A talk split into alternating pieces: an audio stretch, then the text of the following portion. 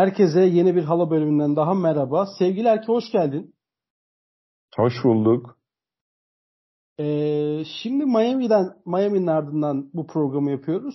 Sence Miami pist üstünde bir yarışmaydı yoksa pist dışındaki eğlencelerle mi gündeme gelen bir yarıştı diyerek ilk sorumu sana sorayım. Özellikle oluşturulan suni e, limandan sonra bence pist dışındaki ortamın cazibesi ve pist dışında iyi yapılan Miami'nin o ışıltılı geceleri ve Miami'nin o şatafatı gösterisi, gösterişi e, Hard Rock Cafe'nin e, ortaklığında geçen organizasyonlarıyla e, pist içindeki hayat, pist dışındaki hayatın geri gerisinde kaldı. O zaman sana çok özel bir soru soracağım. Çok spesifik bir soru olacak. E, diyelim ki Kimi Räikkönen şu yarışta e, podyuma çıktı ve hatırlarsan podyuma çıkmak için pilotlar neredeyse bir saate yakın beklediler. İşte başka bir araca bindirildiler, arka taraflardan gittiler. Bir kuliste konuşuldu, sohbet ettiler podyuma çıkan 3 pilotla birlikte.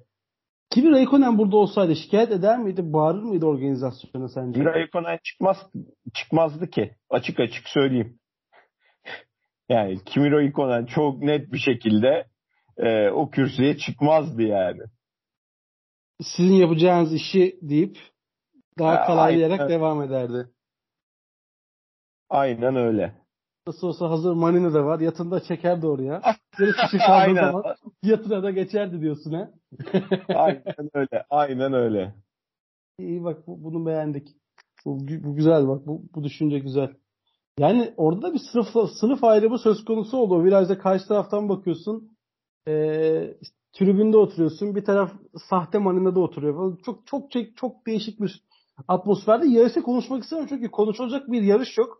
Hemen tekrar yarışın öncesine gideceğim. Yarış öncesi açıklanan kasklar hakkındaki düşüncelerin ne peki? Özellikle Lando Norris'in kaskı ilgili.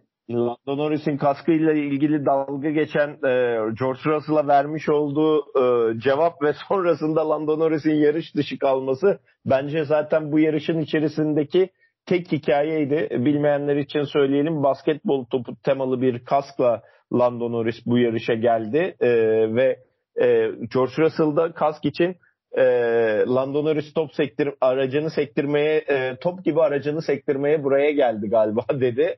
E, sonrasında Lando Norris'in cevabı e, Mercedes bizden daha fazla sektiği için e, mevcut durumu karıştırıyor George Russell dedi. Orada böyle güzel bir manşet atışması yaşandı. Sonrasında Lando Norris yarış dışı kaldı. E, Pierre Gasly ile girmiş olduğu mücadelede e, arka tekerleğinin teması sonrasında e, lastiği patlattı ve yarış dışı kaldı. Ya pistle ilgili çok kısa bir şey söyleyeceğim. Yani pistin daha doğrusu Miami Grand Prix'si başından sonuna kadar bence bir fizik mücadele şeklinde geçti. Yani hem pilotlar açısından hem araçlar açısından. Cuma günü e, Max Verstappen'in sağ arka lastik freninin alev almasıyla başlayan, sonrasında Carlos Sainz ve Esteban Ocon'un kazası, e, Esteban Ocon'un sonra e, sıralama turlarına çıkamaması, çok uzun düzlükler olmasına rağmen dar virajlar, gene bir şehir pist olmasının getirdiği bazı problemler. Ya Sky'da biri söyledi. E, Amerika Birleşik Devletleri'nde bu yapılan Miami Grand Prix'si aslında Amerika kıtasına taşınmış bir Monaco Grand Prix'si ve Monaco havası yaratılmaya çalışılan e, garip bir ortam şeklinde yorumlandı. Hatta e, Sky'ın muhabiri adını unuttum kusura bakmayın. O e, suni e, limana gidip e, marinaya gidip o kartonetlerin üstüne atlayıp yüzme gösterisi falan filan da yaptı. Ya Amerikalılara bu iş pazarlamak ve Amerika'nın bu işi doğru şekilde pazarlayacağını bilmesinden ötürü Formula 1'in bu meseleye ağırlık vermiş olmasından kaynaklı bir durum. Yani bütünüyle ele alacak olursak bence sezonun en sıkıcı yarışlarından bir tanesi oldu. Hani sezon bittiğinde biz ilk beşe muhtemelen Miami Grand Prix'sini yazacağız. Senin dediğin gibi oradan oraya, oradan oraya, oradan oraya git. Yarış sonrasında olsun bu olsun. Bunlar genelde bir pazarlama ve e, yayın hilesidir. Amerika Birleşik Devletleri'nde bu yayın hilesi çok kullanılır. O kutlama sürecine geçişi uzun tutarak reklama para kazandırırsın. Çevredeki bannerları çok göstererek e, oradaki reklam sayısını arttırırsın. İşte o suni marinadaki yatların e, reklamı mesela yapıldı. O yat üreticisi, e, gemi üreticisi ya da tekne üreticisi adına ne dersen de e, ne dersen de 100 yılın PR'ını yaptı. Zaten e, Hard Rock Stadyumu'nun etrafında kurulmuş olunan bu pist e, bir yandan da hani Hard Rock'ın sonuna kadar reklamını yaptırttı. E, Amerikan futbolunun bir yandan reklamı yapıldı. Yani ciddi bir e, PR Grand Prix'si olarak ele alacağız. Bundan sonraki süreçte Miami Grand Prix'sini e, yarışa geçince konuşuruz. Ama yani benim bakış açım insanlara da eziyet oldu. Pilotlara da eziyet oldu. Araçlara da bence eziyet oldu. Hani çok keyif aldım mı? Almadım. Antrenman turlarında Sergio Perez'in Sebastian Vettel'i geçmeye çalışırken gaza asılıp e, virajı kaçırma anı bence bu hafta sonunun en güzel anlarından bir tanesiydi. Sebastian Vettel Perez'e bakıp ne oluyor ne yapıyor bu manyak dercesine bakışı enteresandı. De bir caddenin kapanmış olması Miami'deki trafiği felç etmiş. E, gelen bilgiler o yönde. Ya bilmiyorum ya ben ısınamadım, sıcak takalamadım. Herhalde bu sezonun en böyle soğuk, en heyecansız, ee, bir tek Fernando Alonso'nun belki de o başlangıçtaki acayip çıkışı ve iki sıra birden kazanışı e, herhalde e, yarışın en böyle keyifli en güzel anıydı. Bilmiyorum valla bak üzerinden bir gün geçti. Biz bu podcast'i bir gün sonra e, çekiyoruz dinleyicilerimize. Ya ben açıkçası hani keyif almadım. Pilotların da çok keyif aldığını zannetmiyorum. Sadece şu var. Yarış bittikten sonra o üç pilotun e, yarışı e, değerlendirdiği o bölüm geçmişi bize hatırlattı. O benim çok hoşuma gitti açıkçası. Orada yüzler silinirken, su içilirken ki konuşma. İşte orada bir detay öğrendik mesela. Carlos Sainz'ın sıvı kaybı sonrası e, Sherlock reaksiyonu mesela çok güzeldi. Hani biz basın toplantılarına niye gidiyoruz ülkemizde gerçekleştirilen spor organizasyonlarında? Sporcuların psikolojisini anlamak, onlara soru cevap yaparken bir şeyler öğrenmek için e, diğer yarışlarda da umarım bu hani kutlamaya geçilmeden önceki o soyunma odası, mix zone, flash interview alanı gibi kullanılan ama sporcuların tamamen serbest bırakıldığı o VIP alandaki sohbetler daha uzun tutulabilir bence. Ben o işten keyif aldım ama onun da kaldırılmasının sebebi yanlış hatırlamıyorsam Nico Rosberg ve Hamilton çekişmesi sırasındaki e, fazla bitli söylemler idi e, bir ihtimali olabilir. Bir diğer ihtimalle işin e, dünyaya e, dünyayı esir alan pandemi de olabilir diye düşünüyorum. Çünkü pandemi öncesinde de vardı. Pandemiden sonra yoktu diye tahmin ediyoruz. Bundan sonra olacağını ya, öngörüyorum çünkü bir önceki yarışta da olmuştu. Kalmış aklımda ama emin de konuşmayayım yani. Tabii. E, kesin konuşmamayla birlikte umut, umut, umut ediyoruz ki bundan sonra biz o e, yarış sonrası podyum arasındaki o so, podyum sohbetini hep birlikte duyarız ve hep birlikte öğrenmiş oluruz. O sohbette benim dikkatimi çeken tek şey, e, önemli şeylerden bir tanesi de lastiklerden bahsetmeleri oldu. Sürekli işte e, bir pilot sert hamurla çok daha iyiydim. Bir tanesi orta hamurla daha iyiydim. Öyle olsa böyle olur deyip söylemlerde bulunduğu için en azından onların gözüyle biz pisti de görmüş olduk diyebiliriz. Benim şahsi fikrim de bu yönde. Konunun en başına döneceğim. Kasklara geleceğim. Bu arada kaskları en iyi tanıtan pilotlara bakıyorum. E, kaskları en iyi olan pilotlara bakıyorum. Guan Yu Zhao yarış dışı kaldı. Çok iyi e, kask kullanıcılarından çok iyi kask tanıtımı yapan biriydi. Miami özel. Norris'ten bahsettik. O yarış dışı kaldı. E, Sebastian Vettel yarış dışı kaldı. Onun da kaskı çok güzeldi. Hatta 2051'den bahsetti. İlk su altındaki Miami yarışından bahsetti. Yine mesaj içerikli bir yarıştı bir kastı. Dolayısıyla mesaj veren bir Fetel'i görüyoruz. Fetel babayı görüyoruz. Fetel babaya karşı gelen bir e, manevi oğul Mick Schumacher'e gelelim. Aradaki bu e, temasa temas hakkındaki görüşlerin nedir?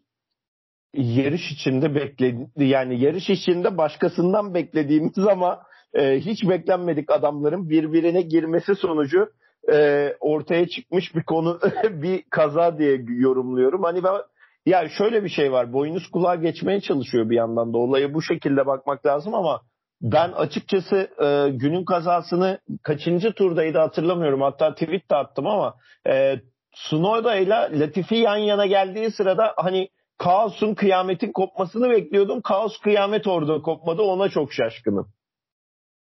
Sunoda geçtiğimiz seneki gibi değil. Zaten kendi açıklamalarında da bunu duyuyoruz. Sunoda geçtiğimiz seneler ilk geçtiğimiz sene ilk senesinde çok daha bilinçsiz bir şekilde kullandı. Şu anda daha farkında bir şekilde aracı kullandığından dem vuruyor. Tabii bu puanı yansımış değil. Ama yine de araç kullanımında en azından aracı e, nasıl kullandığını görebiliyoruz. Bunu farkındayız. Ben en azından farkındayım. Bunu söyleyebilirim. O geçtiğimiz bir... seneki çaylaklık şu anda Guyan Yujao'nun üzerinde. Çok daha hızlı bir arabaya sahip olmasına rağmen bir türlü aracı oturtturamıyor. Evet Bottas ilk 5 içerisinde, ilk 6 içerisinde kendine yer, kendine yer bulabilirken Guan Yu Zhao da çaylak Çinli pilotta hep sürekli kendini dışarıda veya aracı arızasıyla yolda kalırken görebiliyoruz. Ya şöyle bir şey var. Bu arada Mick Schumacher e, Fetel konusuna gelince ya Fetel çok uzun aynı lastiklerle tur attı ve mevcut şartları itibariyle puan alacak noktaya da geldi. Fakat yıpranma süresi diğer e, pilotlara oranla çok daha fazla olduğu için e, puan barajından da gitti. Mick Schumacher'in de puan almasını engelledi ya da Mick Schumacher kendi puanını yedi. Ama e, şunu gördük hala Sebastian Vettel'de iş var. Mick Schumacher'de potansiyelini bence bir yere kadar gösterebildi. Yani Mick Schumacher'le ilgili kafamızda hep soru işaretleri vardı. Gelinen noktada o soru işaretleri silindi. Evet orası çok e, soru işaretleriyle de hala dolu diyebilirim ben. Mick Schumacher'e karşı var olan bu pozitif e, düşüncelerimi biraz daha nötre çevirmek üzereyim. Çünkü beklentinin biraz altında kaldığını söyleyebilirim. Hadi geçen sene geçtik. Geçen sene Haas diye bir araba yoktu. Aracı piste tutmaya çalışıyorlardı. Ama şimdi görüyoruz ki hızlanabilen ve puan alabilen bir Haas'ı var. Ancak buna rağmen hala geride kalabiliyorsan biraz kendini göstermen gerektiğini düşünüyorum. Bir de Magnussen, Magnussen biliyorsun yarış içerisinde hani e, onların da bir çekişme anı oldu ve telsiz konuşmasına da şahit olduk hatırlayacaksın. Ya biraz da yarış stratejisi bence bu yarışta Haas'ları geri planda tuttu. Günter Başkan e, stratejik olarak sınıfta kaldı diyebiliriz o halde Miami'de. Evet. Ev, evinde hep sınıfta kaldı. Hadi gel konuyu ben açayım. Bu yarışta sadece Haas mı e, strateji olarak geri planda kaldı? O yağmur geçişi olacak denilen anons sonrasındaki sarı bayrak ve sonrasındaki süreçte e, yarış yönetmek açısından tek problemli takım Haas değildi. Yarışın bütününe de bakınca Haas değildi aslında. Yani bence Mercedes de strateji konusunda geri kaldı ki şimdi sana da onu soracağım aslında. Ben detaylandırmayayım. Önce pası sana atayım. Sadece e, pit duvarı stratejilerinde Haas mı sınıfta kaldı? Yoksa başka sınıfta kalan takımlarda var mı? Öncelikle bu kontrolü göğsümü yumuşatarak cevaplandırmak istiyorum. Evet sınıfta kalan takımlardan bir tanesi Ferrari oldu. Ki zaten bu da benim notlarımın arasında vardı. Ee, ancak Ferrari pilotları arasında şöyle bir açıklama oldu yarıştan sonra. Eğer ki biz güvenlik aracı periyoduna içeri girip çıkarsak Perez'e pist üstü pozisyonu verirdik dedi. Doğru. Pist, Perez'e pist üstü pozisyonu verselerdi geçemezlerdi. Ben bunda %100 eminim çünkü e, araç Ferrari aracı sezonun başındaki Ferrari değildi. Değil. Bu Miami'de Ama gördük. Ama düzlüklerde de çok hızlı değildi. Ferrari viraj çıkışı ve viraj girişlerinde rakiplerine fark atıyordu ve bu zaten biliniyor. Ki o oda konuşmasını hatırla e, ve yarış sonrasında Sherlock'lerin röportajını da bir anımsa zaten farkı nerede tuttuğu ve en hızlı turları atarken nasıl attığına dair küçük bir ipucu verdi Sherlock'lar. Fakat senin dediğine yüzde yüz katılıyorum. E, Perez'i geçemezdi. Pit giri çıka olsaydı. Ve Perez de hani kendi hatası var. O ayrı bir tartışma konusu. O Carlos Sainz'ı geçmek için yapmış olduğu geç frenaj sonundaki kontra dişi DRS mesafesinden çıkması bunları ayrıca tartışırız ama pist üzerinde gene hala konuşacağımız tek konu var. Daha doğrusu hatırlayacağımız ve yıllarca örnek vereceğimiz tek isim de Perez olacak. Abi adamın lastik koruma stratejisi. Yani bir adam hani aynı lastikleri kullanıyor anladın mı?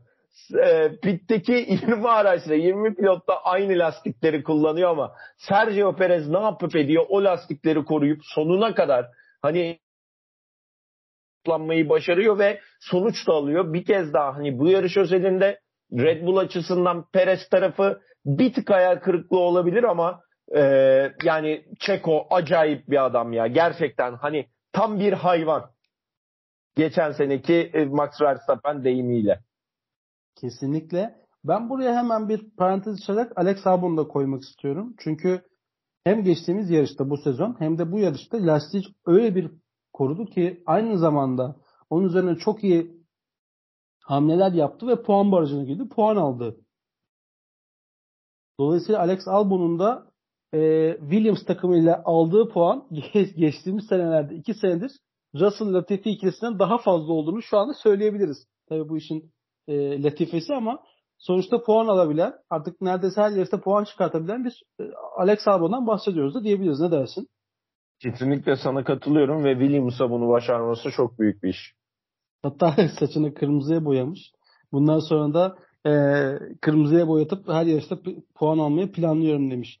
Bu arada Aston Martin'ler hakkında bir düşüncem var mı? Aston Martin'ler sıralama turlarına sıralama turlarının ardından Lance Stroll 10. Vettel de 13. sırada başlayacaktı ki araç arızasıyla ikisi de, ikisi de pit yolundan başladı. Ardından Lance Stroll 10. Sebastian Vettel de yarış dışı kaldı. Vettel yarış dışı kalana kadar teması alana kadar da çok iyi bir yarış sürdürdüğünü söyleyebiliriz. Sence Aston Martin gittikçe yarışlar geçtikçe biraz toparlandı diyebilir miyiz? Eski ya, Aston Martin e, olmasa da. Ben hala ama e, şöyle söyleyeceğim. Ya bilinmedik bir pist ya. Hala bir soru işareti bırakıyorum. Barcelona'ya bence saklayalım bu değerlendirmeyi sevgili Buğra. Ya Barcelona'da da aynı performans gelirse evet Aston Martin'de bir düzelme var cümlesini bence kuracağız. Ama e, Barcelona'yı görmek lazım. Çünkü bu pist yeni bir pist. Bence e, Cuma gününden itibaren, Perşembe gününden itibaren pistle ilgili veriler, pistte yapılan yürüyüşler, bisiklet turu vesaire bence beklentileri vermedi. Yani e, şöyle söyleyeyim, e, Mercedes'inden Ferrari'sine, Red Bull'una bence kimse memnun kalmadı ki. E, Brundle'dı galiba yanlış hatırlamıyorsam. E, paddock yürüyüşü ve e, mevcut şartları itibarindeki Miami pistinin yani şöyle söyleyeyim Miami pisti e, yapı açısından pilotlar tarafından beğenilmedi. Brundle'ın dediği o e, nasıl diyeyim garaj yolundaki ünlü yığılması da bu işin içindeki pist çalışanları medya görevlilerine acayip yordu. Yani pist hiçbir anlamda karşılığını vermedi. Toto Wolff da şey dedi ya e, yarış sonrasında hani e, topladığımız verilerin e, ışığında istediğimiz gibi bir yarış geçiremedik diye. Yani e, veriler ve ortaya çıkan performanslar bence çok büyük bir hayal kırıklığı. Kesinlikle. Bir diğer taraftan ben şunu bekledim açıkçası. Geçtiğimiz yıl Texas'ta yapılan Grand Prix'de Grand Prix ardından Shaquille O'Neal'ın e, podyuma çıkıp ödül verdiğini ve bunun üzerine sosyal medyada çok iyi mizah malzemesi çıktığını gördüm. Ben şu anda bu hafta sonundan bunu bekledim. Hakeza baktığım zaman Michael Jordan da oradaydı. To, hmm, kim vardı başka? Top.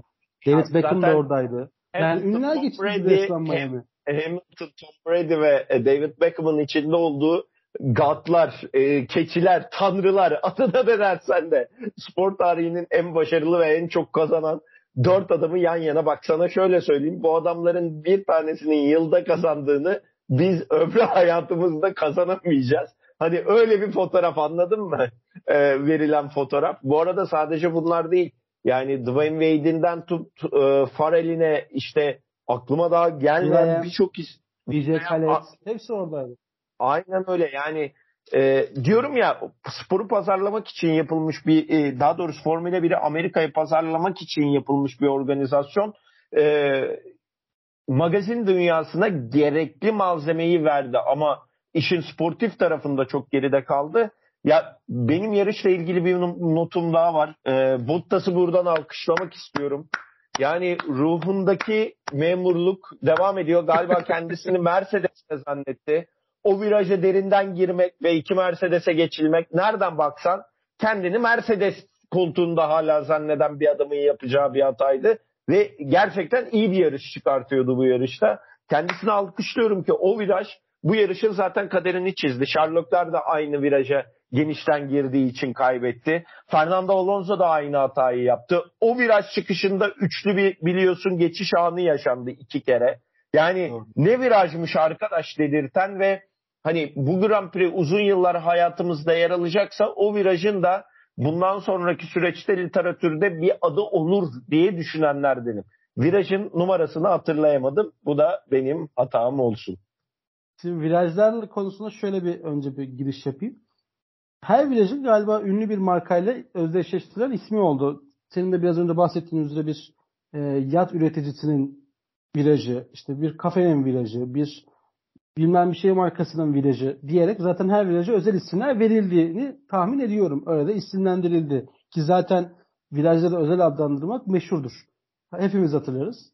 Ee, Kanadalı Şampiyonlar Virajı vardır. Çok meşhurdur. Ee, Senna'nın hayatını kaybettiği Tamburello Virajı vardır. Bunlar çok meşhur virajlardır. Miami'de de bunları gördük. Bunların yanı sıra e, bugün Bottas'ın açıklamasını okudum. Bottas'ın açıklaması da gerçekten komik. Mercedes'in arkamdaki mücadelesini takip etmek aynı anda dikkatimi dağıttı ve virajı çok geç frenledim. Dolayısıyla da e, iyi ki duvara çarpmadan devam ettim. Evet hasar yoktu ama iki sıra kaybetmiş oldum dedi. Bu da senin de bahsettiğin üzere hala Mercedes olan aşkını bence e, ifade eden nitelikte. Mercedes'in grisini özlemiş Bottas. Ama onlarla da mücadele etmekten geri kalmıyor bir diğer taraftan da. Totale baktığımız zaman da aslında Bottas hala puanda e, Hamilton 6 puan gerisinde. Hamilton 36, Bottas da 30 puanda. E zaten Valtteri Bottas şu an e, lafını böldüm Buğra'cığım özür dilerim. E, Alfa Romeo 31 puan topladı. 30'unu zaten Bottas almadı mı? Kesinlikle doğru bilgi. yani yanlış bilmiyorsam öyle bir istatistiğimiz var şu an. Doğru. Doğru. Yani şöyle de diyebiliriz. Bottas e, şey nasıl bir şey diyebiliriz? Bir şey söyleyecektim. Bottas tek başına bir takım diyecektim. Bunu diyememiş olman da takımı bulamadım. Yani takımdan ayıp olmasın diyecektim ama şu anda buldum. Alpine'den büyük şu anda. tek adam Valtteri Bottas. Alpine'den büyük şu anda. Alpine'in totalde 26 puanı var. Bottas'ın 30 puanı var. Hatta yana Williams'ı da koyalım. Williams'da 3 puanı var. Eksi 29 eder. Eşittir Bottas'tan azlar iki, iki takımda. Hadi Williams'ı hani ne kadar sayarsın o ayrı. Williams puan alır mı? O ayrı, ayrı mesele. Hatta puanlamaya gelmişken de şu bilgi de vermek istiyorum. 21 pilot, 20 pilotlu hatta Nico Hülkenberg'i de sayarsak 21 pilotlu pilotlar şampiyonasında 21. sırada olan adam kim biliyor musun? Sebastian Vettel. Hayır tabii ki. Nicholas Latifi. Ha Latifi var ya doğru. Ben Latifi'yi ya Latifi benim gözümde şey o ön sıralardaki mücadeleyi direkt etkilediği için hep puan alıyormuş gibi düşünüyorum. Acaba orada şey mi yapsak? Şimdi geçtiğimiz sene hatırlarsan bir sponsor vasıtasıyla en çok geçiş yapana bir ödül verildi. Burada da acaba e, yarısı en çok müdahale edene bir ödül mü verilse bu sefer de bu iş çarpışan arabalara mı döner acaba? Tabii canım, tabii canım. Ya bu arada bak bu yarışta bir olay daha yaşadık. Şimdi taksit taksit aklıma geliyor. Ee, Lewis Hamilton Bono konuşması. Güvenlik aracı sırasındaki konuşma. Doğru. Ona da çok kısa bir yorum getirmek lazım. Ee, yani Lewis Hamilton'la Bono arasında bir konuşma gerçekleşti. O da şu pist alanına gel, e, pite geleyim mi? E, son durumumuz nedir şeklinde bir soru soruldu. Bono önce tercih Lewis Hamilton'a bıraktı. Lewis Hamilton'ın da orada söylediği çok doğru bir şey var. Yarışı siz benden daha iyi takip ediyorsunuz. Sürelere hakimsiniz. Buna sizin karar vermeniz gerekiyor. Ben araç hakkında bilgi verebilirim şu an. Hissiyat hakkında bilgi verebilirim. Dedi ki yarış içerisinde zaten arka tarafta e, bir temas aldığında temastan dolayı sıkıntı yaşadığı anı vesaireyi çok anonsladı. Hani bu noktada pit duvarıyla e, Hamilton arasındaki o anlaşmazlık dikkatlerden kaçmasın. Genişleteceğim konuyu. Çeko Perez'in de bir biliyorsun pit duvarına varyansın oldu. Araçla ilgili bir problem var. Bunu inceleyin dediğinde pit duvarından gelen mesaj e, her şey e, her veri normal gözüküyor. Ama şimdi bak e, ortada çok ciddi bir problem var. Biz bu sene galiba bunu çok sıklıkla yaşayacakmışız gibi. Yani araçtan gelen bir sıkıntıyı sadece verilere dayanarak e, analiz etmekte bir sıkıntı var. Çünkü sonuçta iki araç arasındaki mesafenin kaç saniye açıldığını görüyorsun. Burada demek ki bir problem var ve müdahale edilmesi gereken bir şey var ve sana bunu anons çeken Lewis Hamilton gibi, Checo Perez gibi mühendis pilotlardan biri ise daha dikkatli irdelemesi gerekiyor pit duvarının diye düşünüyorum ki 7 kere dünya şampiyonluğu yaşamış bir takımın pit duvarının en tecrübeli adamı, en iyi yarış stratejisi oluşturan adamının e, bu kadar çelişkide kalması da bana bir e, sıkıntı yarattı açıkçası. Şöyle devam edeyim normalde. Normalde Lewis Hamilton fark ettim. Estağfurullah. Normalde Lewis Hamilton bu tarz durumlarda kendisi yumruğunu masaya vurup şimdi e, pite girmenin zamanıdır. Pite girelim hadi lastik değiştirelim gibi açıklamalar yapan bir pilottu. Yani bu sefer ben şeye şaşırdım. Senden daha farklı düşünüyorum. Tüm sorumluluğu Bono'ya, Pete Bonington'a, yarış mühendisine bıraktı. Sen ne dersen ne olur. Siz bir şey söyle ne olsun dedi. Normalde bizim bildiğimiz geçmiş yıllara takip ettiğimiz Hamilton derdi ki güvenlik aracı periyodundayız. Hızlanmamız lazım. O yüzden lastik değiştirelim. Hadi pite girelim aralığı belirleyelim derdi. Bunu demedi. Açıkçası bu verdiği mesaj beni şaşırttı. Siz bilirsiniz demek. Yani gitsek de olur, gitmesek de olur olarak algıladım ben şahsım adına. Perez'le takım telsiz arasındaki mühendis arasındaki konuşma zaten hani diziye vursan 3 sezon sitcom çıkar. Diyor, Perez bir şey var diyor. Mühendis diyor ki iyisin devam et diyor. Arkadaş görünüyor. Yani görünen kılavuz demez. Gittikçe fark açılıyor. Hani böyle hani amiyane tabirle Erman Toroğlu'na bağladım ama şimdi orada bir fark var. Açılan bir süreç var. görün ona bir bakın. Ki tüm telemetri verileri de önünüzde. Ona rağmen hareket ediyorsunuz. Bunu görmemek veya görmemezlikten gelmek de herhalde Red Bull mühendislerin işi. Ona rağmen Checo Perez'in, Sergio Perez'in burada bir bu şekilde yarışı tamamlaması da bence büyük bir e, olay. Hatta kendi açıklamasını da hemen e, dipnot olarak ekleyelim. Eğer ki motor arızası yaşamasaydım ben yarışı kazanabilirdim dedi Checo Perez. Buradan konuyu şuraya bağlayacağım.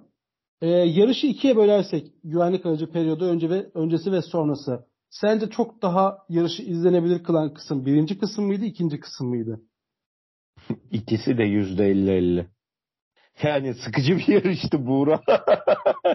ya bunu söylemek istemem ama ikinci bölüm tabii ki daha heyecanlı. Sonuçta yarışa bir daha başlıyorsun. Mesafeler kapanıyor e, Sherlock'lerden bir atak bekliyorsun. Carlos e, Çeko'dan bir e, hamle bekliyorsun. Carlos Sainz bu arada yerini kaybedecek mi heyecanı başlıyor. E, arka sıradaki çekişme zaten ön sıradakinden daha heyecanlı ve bunlar yaşanırken Mercedes'in ne yaptığıyla kimse ilgilenmiyor. Anlatabildim mi? yani ikinci bölüm bu yüzden daha keyifliydi ki yarışın içerisinde 12.lik savaşı bile olurken kimse Mercedeslerin ne yaptığıyla ilgilenmedi. Yani geçen yıl ne kadar ah aldılarsa, geçtiğimiz yıllarda ne kadar ah ve nefret topladılarsa Formula 1 camiası gerçekten Mercedes'i bir kalemde sildi gibi hissettim ben. Evet Mercedes'e karşı çok büyük bir antipati oluşmuş. Ee, Mercedes de derinden derinden gelerek şu anda takımlar klasmanında 3. sırada 95 puanla. Ayrıca hani evet Miami'ye sıkıcı diyoruz ama bu önümüzdeki yarış Miami kadar sıkıcı olacak bir yarış. İspanya Katalonya'da. Katalonya deyince insanın hakkına yarış severliğinin hakkında gelecek tek şey de sıkıcılıktır. Pist üstünde değil, pit yolundaki geçiştir en önemlisi. Eğer pit stratejin iyiyse ki geçen sene bunu gördük. Verstappen ile Hamilton arasında çift pit stop, pit stop yapan arkadaki öndeki pilot yarışı kazandı arkadan hızlı bir şekilde gelerek. Biz bunu göreceğiz. Bu sefer Sainz ve pardon özür dilerim Lökler ve Verstappen arasında göreceğiz. Daha iyi olan, daha hızlı olan yarışı kazanacak. Yine ben Lökler ve Verstappen arasında yarış olacağını öngörüyorum. Hatta Miami Grand Prix'sinde olduğu gibi Katalonya için de bir öngörüde bulunuyorum. İlk iki yine belli olacak. Ya Verstappen ya e, Lökler olacak. Üçüncü sıraya Sainz'i değil bu sefer ve Perez'i koyuyorum. Podyumun son basamağına Russell'ın bir e, ne derler? Sürpriz yapabileceğini öngörüyorum diyelim. Katalonya defterini şöyle ufak kapatayım sana bırakacağım. Şimdi e, şöyle bir konu açmak istiyorum. Haaslarla Aston Martin arasındaki takım arası takımlar kavgası da vardı diyebilir miyiz? Çünkü Mick Schumacher, Stroll, e, Magnussen ve Alonso e, Vettel arasında böyle ufak tefek sürtüşmeler, temaslar oldu. Bu takımlar arasındaki kavgaya da sirayet eder mi? Yoksa gerçekten pist üstü mücadele miydi sence? Buna bugünden cevap vermesek mi ya? Biraz hani burada politik davranayım mı? Tabii. Yani onu da gelecek hafta yorumlamak lazım. Bu hafta çünkü fitili ateşlendi. Bu arada ya e, konudan konuya sıçrıyoruz ikimiz de ama kusura bakmasın dinleyenler. Ya ben yarı sonrasında e, yağdırılan saçma sapan cezaların hastası oldum bir yandan. İşte bu da show business'tan kaynaklı değil mi? Aman yarış bitsin. Yarışı biz böyle bir hani izleyenleri eğleyelim, izlesinler, görsünler. Biz sonra kime ne veririz. E, düşüncesinde yapılan bir işti bence. Hani sen de bölümün başına doğru bahsettin. Show business, Amerikan show sektörü elinden ne geliyorsa yaptı ve yaptı da. E, yarışların sonunda özüne, önüne gelene ceza yazdı. Zaten tüm açıklamalarda komiserler kurulu yarış sonrasını açıklayacak. Komiserler sonrası yarış sonrası bakacak. Ya abi kaza olmuş orada. Hani Norris'le Gazi temas etmiş. Bakarız ya bakarız şu yarış bitsin de diyerek yani yarış sonrasını atmak da çok da abes geldi bana. O anda ceza varsa vereceksin. Alonso'ya verdim 5 saniyeyi. Sonra son turlarda olan mücadelede hadi sonra bir 5 saniye daha verize bağlamak çok değişik geldi bana açıkçası. Enteresan bir yarıştı her anlamıyla. Ee, tamamen şova dayalı bir yarış izledik. Yani evet yani iki hafta önceki Suudi Arabistan neyse şu andaki Miami'de aynı e, şeyin laciverti gibi diyeceğim. Artık tüm dinleyenlerimiz o şeyi dolduracaktır. Bir tanesi Asya kıtasındaydı. Bu Amerika kıtasında. Avrupa kıtasında Allah'tan böyle bir şey yok. Avrupa kıtasında Formula 1'in evlerinde hem İngiltere'de hem Monaco'da çok daha güzel, çok daha eğlenceli yarışlar duyabiliyoruz ve izleyebiliyoruz.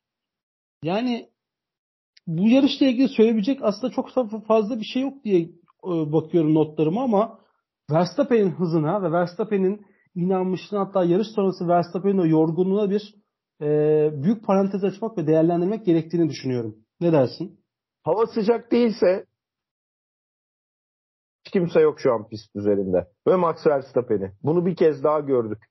Hani tabiri caizse iblis gibi geldi, vurdu, kırdı ve geçti. Yani e, bir tabir vardır spor camiasında. Hani hep deriz ya inanmış bir ya da bunun bir tabiri vardı. Bu tabiri bulamadım şimdi. Ben bu, bu, bu program biraz unutkanım. Dinleyenlerden şimdiden özür diliyorum. İnan yani hmm, Verstappen'i kimse tutamaz eğer çok istiyorsa öyle söyleyeyim. İnanmış mı Verstappen'i durdurmak mümkün değil. Eğer mekanik şartlar el verdiği sürece araç yanmadığı ve çok ısınmadığı sürece e, Max Verstappen'i durdurmak kolay değil. Kısacası bu. Doğru. Hatta istatistik de var. Eğer yarışabiliyorsa kazanıyor. Yarışamıyorsa zaten hiç puan alamıyor. Öyle ortada var olan bir istatistik. Öyle oldu yani. Verstappen'in yarış dışı kaldığı e, zaten dört yarış var. E, yarış dışı kaldığı noktalarda Sherlockler e, yarışta olduğu sırada Verstappen birinci, Sherlocklerle Carlos Sainz, Checo Perez geri kalan sıraların paylaş e, yani paylaşmak için yarışıyorlar diyebiliriz. Kesinlikle. Bu arada e, e, şimdi notlarıma ve sıralamaya bakarken Esteban Ocon'a bir parantez açmamız gerekiyor mu? Çünkü sıralama turlarının çıkamamasının sebebi çok sert bir şekilde yaptığı kazaydı. 51 G'ye maruz kaldığını söyleniyor. Ve Esteban Ocon da Carlos Sainz da ağır eleştirdi FIA yönetimini. Yani bizim burada önemli olan aslında güvenliğimiz ve siz güvenliğimizi aslında koruyamıyorsunuz gibilerinden üstü kapalı mesajlar verdi. Esteban Ocon'da sağlık tedbiri amacı, amacıyla sıralama turlarına katılamadı ve yarışa 20. sıradan başladı. Buna yani rağmen program da şanzımanı da dağıtmadı mı? E, tabii ki Aracı o da, da var. hazır hale getiremediler. Yani Esteban Ocon bu arada hani sağlıklı olduğu e, öğrenilmesine rağmen araç yetişemedi o kazadan sonra ve o viraj çok tartışıldı ki bu e, yarışta e, hatırlayacaksın şeydeki e, pit çıkışındaki e, pit çıkışındaki o virajda da düzenleme yapıldı Cuma günden sonra. Doğru. Ve yani buna rağmen Esteban Ocon'un 8. sırada bitirmesi de bence alkış hak eden durumlardan bir tanesi. Gerçekten büyük mücadele etti. Gerçekten varanı yoğunu ortaya koydu da diyebiliriz. Alonso da öyle ama sert lastikle başlamanın avantajı ve pist üstündeki o kavgalardan keşmekeşten uzaklaşarak puan alması da bence takdir edilisi bir davranıştı. Ben Albon'a ve Ocon'a e, büyük alkışlarımı sunuyorum. İlk 10 dışındaki pilotlara bakarsak. Yani ilk 5 diyeyim. Ferrari, Red Bull ve Mercedes'leri çıkarsak. Gerideki benim alkışım kapan iki pilot da budur. sen verebileceğin bir alkış var mı? Bir e, tebriklerini sunabileceğin yani, bir pilot Mick Schumacher şu kazayı yapmamış olsaydı e, yarışın pilotu içinde oyumu zaten Mick Schumacher'a kullanmıştım. Yani benim alkışım yarım yarım kaldı ya bu yarışta ama e, Carlos Sainz yani Ferrari ekibi geçtiğimiz yılla bu yıl arasındaki kıyasta her yarışta benden bir alkış alıyor. He, hızıyla bence alıyor ama e, sanki çok büyük konuşmak istemiyorum ama sezonun başına göre de düşen bir performansı var. Ya Red Bull yükseldi, Ferrari Red sabit kaldı ya da Ferrari düştü. Red Bull çok yükseldi. Red Bull çok yükseldi. Red Bull çok hızlı Buğra. Yani önünü alamayacağız gibi hissediyorum şu anda e, Red Bull'ları. Ama pistine göre de artık hani pistine göre de muamele olacak gibi. Yani hangi pistte hangisi hızlıysa o önde kalacak. Diğer takım yine zorlayacaktır ancak ikinci olacaktır gibi durum söz konusu. Ee, Russell'ın peki telsiz mesaj hakkındaki düşüncelerini alabilir miyim? Biliyorsun Russell bekleyelim güvenlik aracı veya sanal güvenlik aracı gelebilir. Ona göre hareket edelim dedi. Ki Russell da sert hamurla piste çıktı, yarışa başladı. Ve düşüncesi de tuttu. Güvenlik aracı periyodunda pite girip çıktıktan sonra da gerçekten çok güzel performanslar sergilediğini düşünüyorum. Sen ne dersin ee, George Russell hakkında?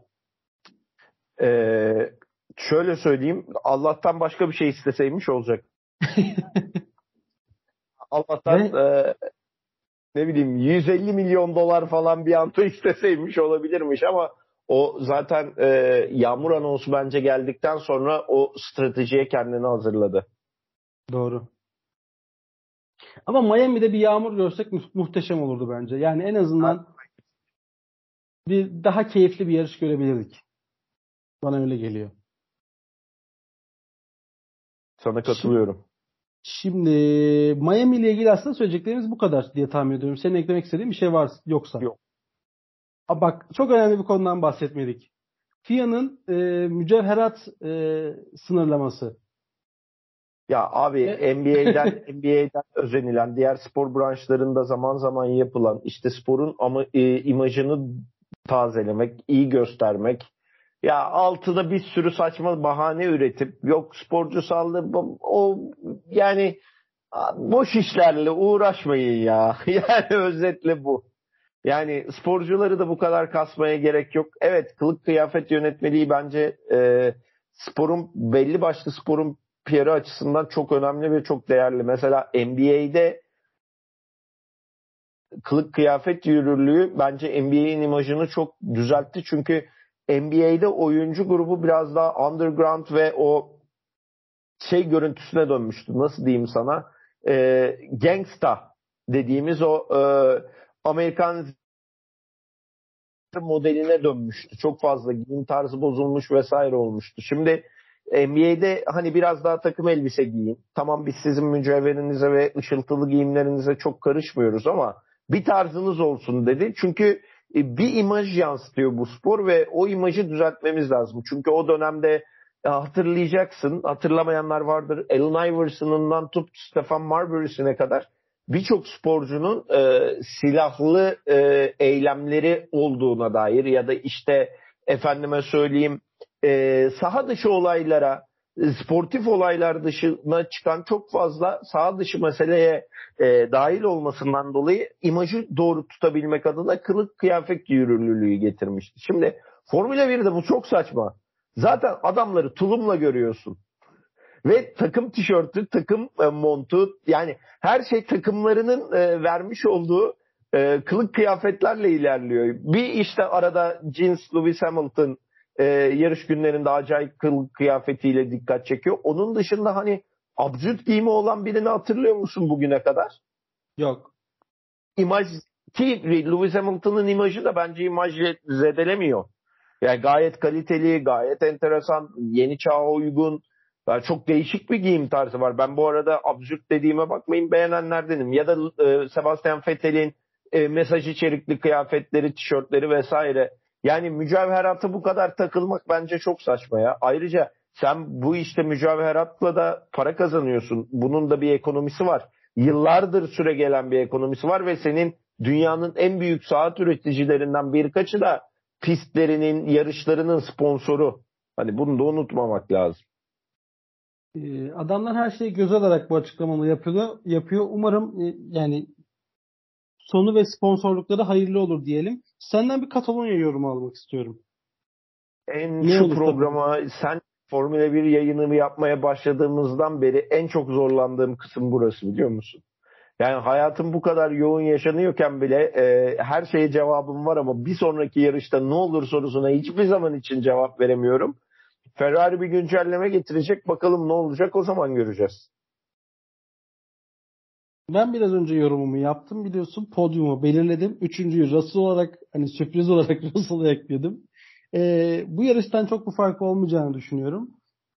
Ee, Aston Martin'den sürpriz beklemiyorum. Haas'tan sürpriz beklemiyorum. Haas'lar puan barajının dışında kalacak gibi. Bak büyük büyük konuşuyorum. Büyük büyük laflar ediyorum ama yiyebileceğimi düşünmüyorum. Çünkü Miami'den gaza geldim. Hatırlarsan Miami öncesinde de çok sıkıcı bir yarış bizi bekliyor gibilerinden bir açıklama yapmıştım. Çok da eğlenceli ve çok da hani böyle nefesimizi kesen bir yarışın olduğunu söylemek mümkün değil. Bu ara çok yargı dağıtıyorsun ya. E, ikinci sezonun vermiş olduğu rahatlık diyebilir miyiz? Herhalde yani Formula 1 programı yapmaya başladığımızdan beri e, bayağı yargı dağıtan bir halim var bu sezon. E, az çok takip ettiğim takip ettiklerimi kendi süzgecinden geçirerek bir yorum yapmaya çalışıyorum. Nacizane bizim de işimiz bu belki abici ne yapacağız be bizde de böyle be. bizim de işimiz, işimiz bu diyorsun. Yani sevgiler ki şimdi hem Formula 1'i takip ederken hem de Türkiye'yi gezmek biraz da bana farklı bir perspektiften bakmayı sağlıyor. Ee, hatırlatmak da isterim şu anda Anadolu'nun incisi ve ülkenin en büyük şehrin en büyük özelliği Ankara'ya bir saat mesafe olmasıyla bilinen Kırıkkale'deyim. Şehrin başka hiçbir özelliği yok çünkü. Yine bak büyük konuştum. Yine yargı dağıtıyorum ama bunu söyleyen ben değilim. Direkt bizzat Kırıkkale'de yaşayan insanlar bunu söyledikleri için ya bunu Burak, söyleyebiliyor. Gittiğin her şeklin şeklini, şehrin şeklini ve kimyasını vücuduna alabiliyorsun gerçekten. Yani İspanya Grand Prix'sini ardından da yüksek ihtimalle İskenderun'da olacağım. Oradan farklı bir aksanla, farklı bir şiveyle ve farklı bir gazla konuşabilirim. Şimdiden tüm dinleyenlerin e, kulakların hazır olmasını isterim. E, tabii şakalar bir yana dedikten sonra var mı Miami ile ilgili eklemek istediğim bir şey diyeyim. Konuyu ciddiyete Yok, bağlayalım. Ben, ben notlarımda bunları e, almıştım. Bende bunlar vardı. E, başka da açıkçası e, hani bir not var mı diye bakıyorum. Vallahi yok. Science toparlanmalı mı sence? Science beklentinin altında kaldı diyebilir miyiz bu sezon özelinde? Biraz. Biraz. Peki toparlanabilir Biraz. mi? Ya aslında beklentinin altında da kalmadı ya. Bir dakika burada kendimi biraz düzelteceğim. Neden diye soracak olursa geçen seneden bu seneye beklenti neydi de biz şu an Carlos Sainz'i beğenmiyoruz. Geçen seneden bu seneye beklenti neydi? Şimdi daha hızlı bir Ferrari motoruna sahip bir Ferrari aracım var. Dolayısıyla senden beklenen şey e, galibiyetler alabilmen veya galibiyetler, galibiyetler alamıyorsan bile her yarışta podyumu tamamlaman en yüksek puanı toplamandır. Şimdi sen yarışın ilk turlarında şampiyonluktaki en büyük rakiplerden bir tanesi olan Max Verstappen'e geçilip yarış boyunca da Perez'i hep arkanda tutabiliyorsan, Perez'den geçme tehdidi alıyorsan bence başarılı değilsin. Ee, bir önceki hafta Imola'da e, yarış dışı kalıyorsan başarılı değilsin.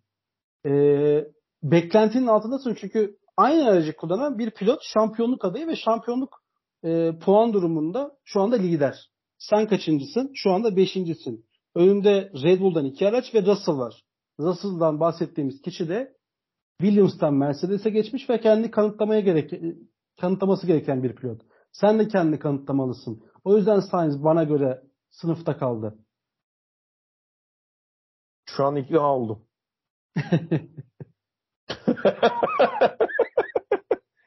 Peki. Sevgili erkeği de ikna ettiğimize göre sanırım Miami defterini kapatmış olduk. Çok seri ikna oldum. Ben bu kadar seri ikna olacağımı düşünmemiştim. Sen de haklısın çünkü sadece Formula 1 değil, e, ülkemizde görülen neredeyse Türk spor branşlarıyla takip ettiğin için haliyle de e, bazı şeyleri gözden kaçırman da söz konusu olabilir. affediyoruz. Sevgili Erki affediyoruz seni. Buğra, Buğra coşkun coştu geliyor arkadaşlar. Önünü alamıyoruz. Ama adam haklı. Valla e, serseme dönmüş durumdayım. Bir de dayanamadım. NBA'yi de izlemeye başladım geceleri. Hani beynimde yeteri kadar fosfor e, varmışçasına beynimi zorlamaya, beynimi zorlamaya devam ediyorum. Artık hayırlısı be. Haklısın. Bir şey diyemedim şu an. Yani herhangi bir pilotun ismini Stephen Curry demediğine ben şükrediyorum şu anda. Bak geçen geçen programlarda yapmıştım var. Var. Olsun. Bunu da yapmadığın için en azından Miami'nin hattına yapmadın. Umarım Katalonya'da böyle bir şey yapmazsın diyerek e, Miami defterini ve Halo programımızın bu bölümünü kapatıyoruz. Müsaade, yüksek müsaadenle sevgili Erke. Tabii tabii izin veriyorum ya. Ayıptır, günahtır. Yani sizin olduğunuz yerde, sizin olduğunuz bir noktada oturup benim bir şey söylemeye ne hakkım var? Sevgili Burhan Coşkun. Yani bu programı e, ülkemizin en meşhur dizilerinden bir tanesinin büyük müziğiyle ki Vadi desem herkes anlayacaktır. O dizinin müziğiyle kapatmak isterdim ama maalesef telif yememiz sebebiyle onu alamıyoruz. O yüzden de Halo bu hafta bitti arkadaşlar. Bizi dinlediğiniz için çok teşekkür ederiz. Sevgiler ki ağzınız sağlık. Gene yarım saate toparladık dediğimiz programı bir saat çektiğimiz için sizlerden özür dileriz diyerek. hani yarışta konuşulacak hiçbir şey yok deyip bu kadar konuştuğumuza göre e, bol gündemli yarışlarda Allah bilir ne kadar konuşacağız. Varın siz düşünün daha sezonun toplasanız şurada hepi topu 3-4 yarış oldu. bu arada yani yarışı çok konuştuk ya. Lütfen hani çok yarış konuştuk bu hafta. して。いろいろ活発。